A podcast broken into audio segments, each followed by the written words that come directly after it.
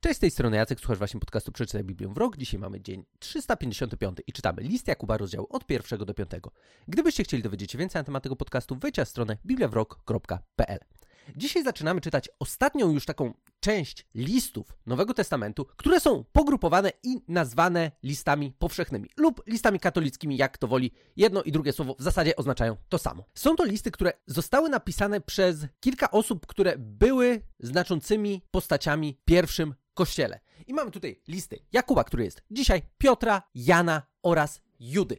I dzisiaj, mając przed sobą Jakuba, trafiamy na księgę, która jest absolutnie mistrzowska. To jest, tak szczerze, jedna z moich ulubionych ksiąg, jeśli chodzi o całą Biblię. Głównie dlatego, że ja bardzo, ale to bardzo lubię praktyczne zastosowanie tego, co czytamy w Biblii. I w zasadzie cały list Jakuba to jest właśnie to. To jest list, który gdzieś kiedyś słyszałem, że ktoś mądry powiedział, że to jest list, który powinno się słuchać na stojąco, bo to jest list, który pobudza ciebie do działania. Od razu ci pokazuje, ok, rób to, rób to, rób tak i tak. Gdybyśmy chcieli gdziekolwiek znaleźć jakiś materiał w Nowym Testamencie na temat tego, w jaki sposób życie chrześcijańskie powinno wyglądać w działaniu, to to jest właśnie list Jakuba. Świetny list. I jednocześnie jest to list, który z jednej strony ma w sobie całkiem sporo odniesień do najbardziej znanego kazania Jezusa, kazania na górze, jak również niemało odniesień też do Księgi Przysłów. I w zasadzie na samym początku też Jakub odnosi się do kwestii mądrości, do kwestii tego, w jaki sposób Bóg chce nam hojnie dawać mądrość, jeżeli tylko go o to prosimy i nie powątpiewamy w to, że on jej nam udzieli. Sam Jakub jest postacią, która ogólnie jest stosunkowo prosta do zidentyfikowania, ale pojawia się przy niej jedna taka ciekawa kwestia. Bo teraz mówimy tutaj o Jakubie, jednym w sumie z wielu Jakubów, których w Biblii mamy. Ten konkretny jest nazywany już poza Biblią Jakubem Sprawiedliwym. Dlatego właśnie, żeby w jakiś sposób określić, co to jest za postać na tle wszystkich innych Jakubów. Bo tych Jakubów, co by nie było, mieliśmy już kilku. Wśród nich byli innymi uczniowie Jezusa z dwunastki apostołów. Tutaj jednak mówimy o innym Jakubie, który też w niektórych miejscach będzie określany jako brat pański. I tutaj wiem, że zaraz mogą pojawić się, ale jak to? Jezus miał braci? Je, co, co tu się dzieje?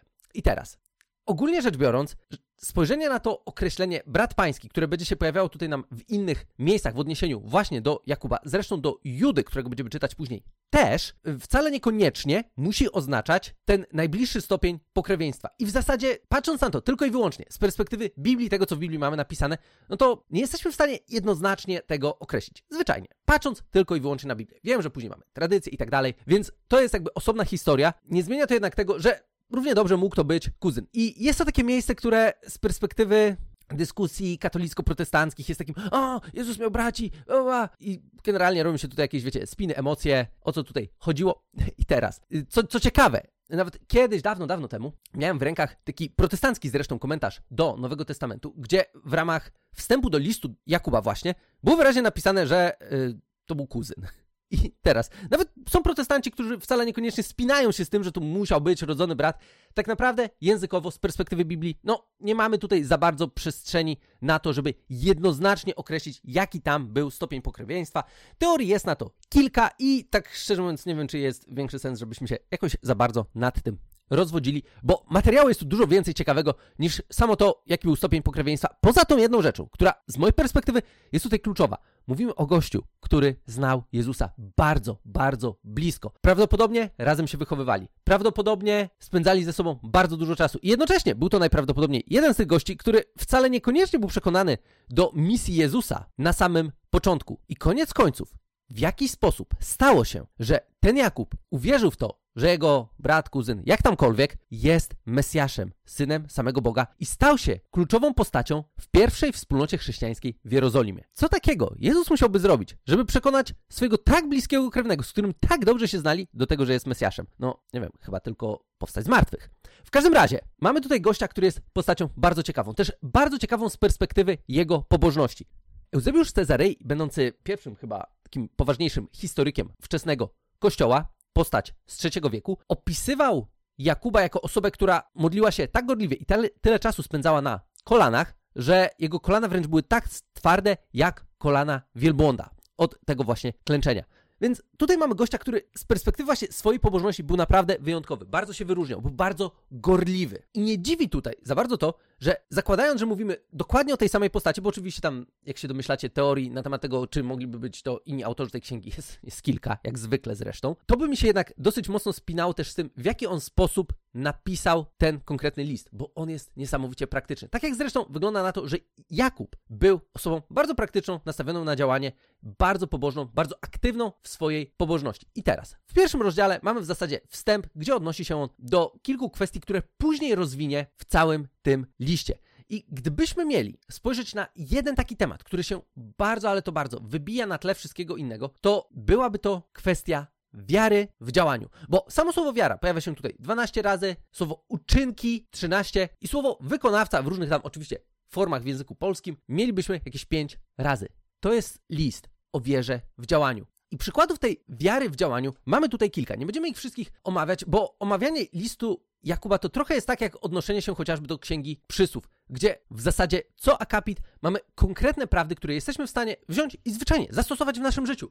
Bardzo proste, bardzo jasne, nie ma tu jakiejś szczególnej rozkminy. I pomimo tego, że jest to list adresowany oryginalnie do wierzących pochodzenia żydowskiego, to zdecydowanie jest to fantastyczny materiał dla każdego z nas i tak naprawdę materiał jednocześnie bardzo ponadczasowy. Materiał, który my dzisiaj możemy brać i powiedzieć, ok, dobra, wiem w jaki sposób praktykować swoją wiarę.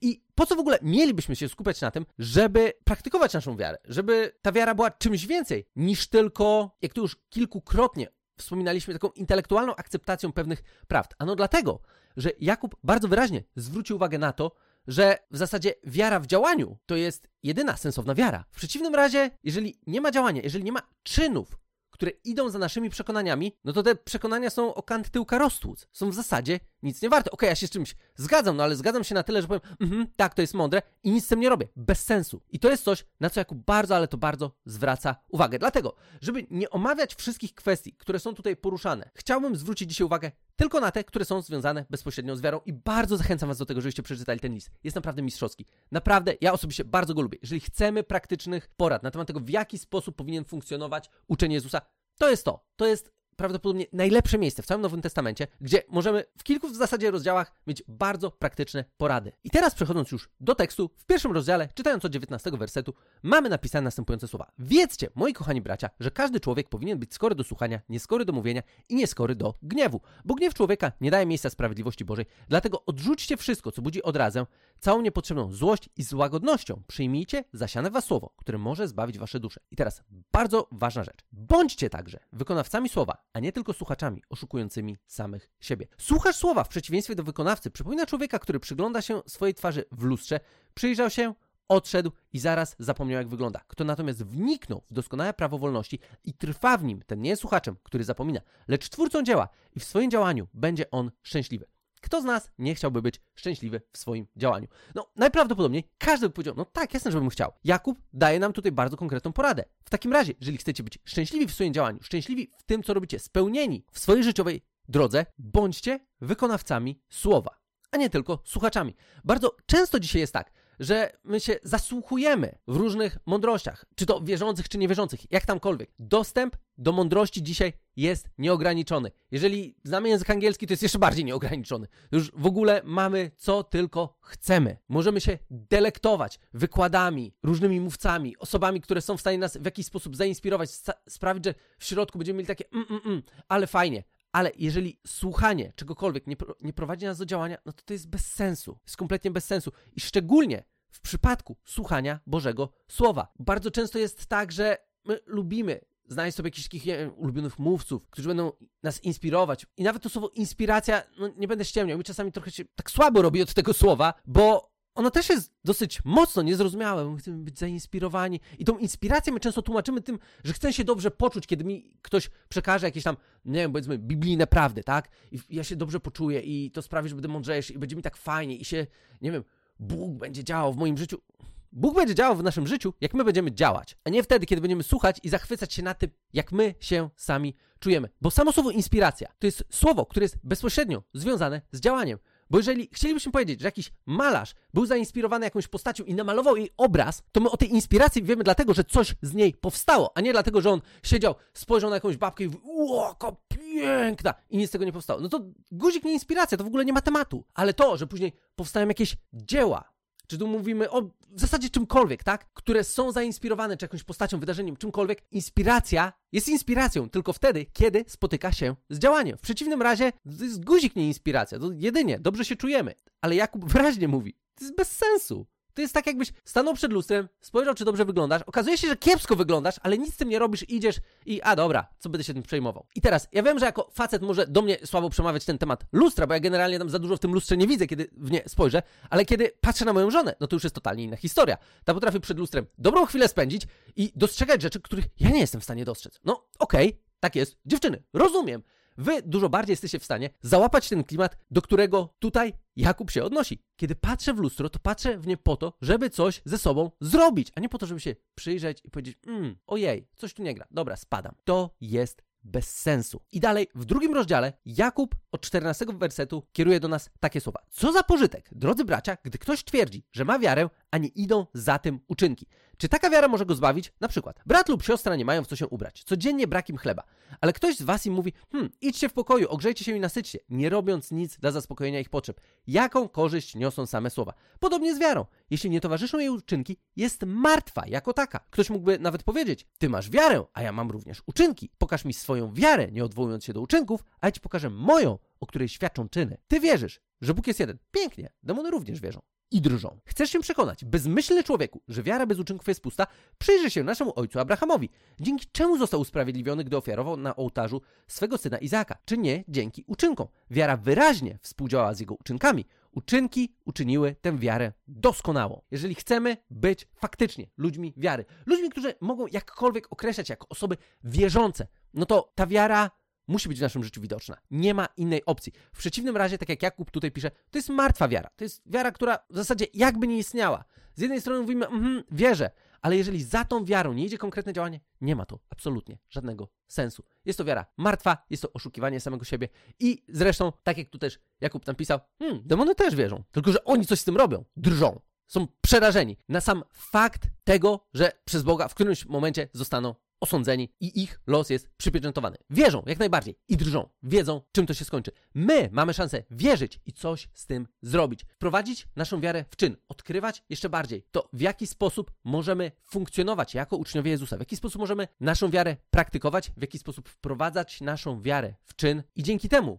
żyć wiarą, która będzie nas prowadziła do owocnego życia, w którym każdy z nas dos- doświadczy niesamowitego spełnienia. Co jest kolejnym takim tematem, który tutaj się pojawia. W zasadzie to takie pełne życie to jest to, do czego w jakichś siedmiu miejscach Jakub się tutaj odnosi. On chce, żebyśmy żyli życiem pełnym, spójnym, gdzie nasze działanie wypływa z naszych przekonań i tworzy z nas jednego człowieka. Nie takiego poszarpanego, że nie wiem, gdzieś niby w coś wierzy, a robi coś innego, tylko osobę, która jest taka sama w środku i taka sama na zewnątrz. I tym, w jaki sposób praktykujemy swoją wiarę, dajemy przykład tego, jaki jest Bóg, w jaki sposób Bóg działa, jak Bóg chce przez nas działać i przez nas objawiać swoją miłość dla ludzi, których spotykamy każdego dnia. Tyle z mojej strony na dzisiaj. Gdybyście mieli jakieś dodatkowe pytania, możecie wejść na stronę bibliawrok.pl bądź możecie napisać do mnie na adres jacekmałpa.bibliawrok.pl i do usłyszenia w kolejnym odcinku.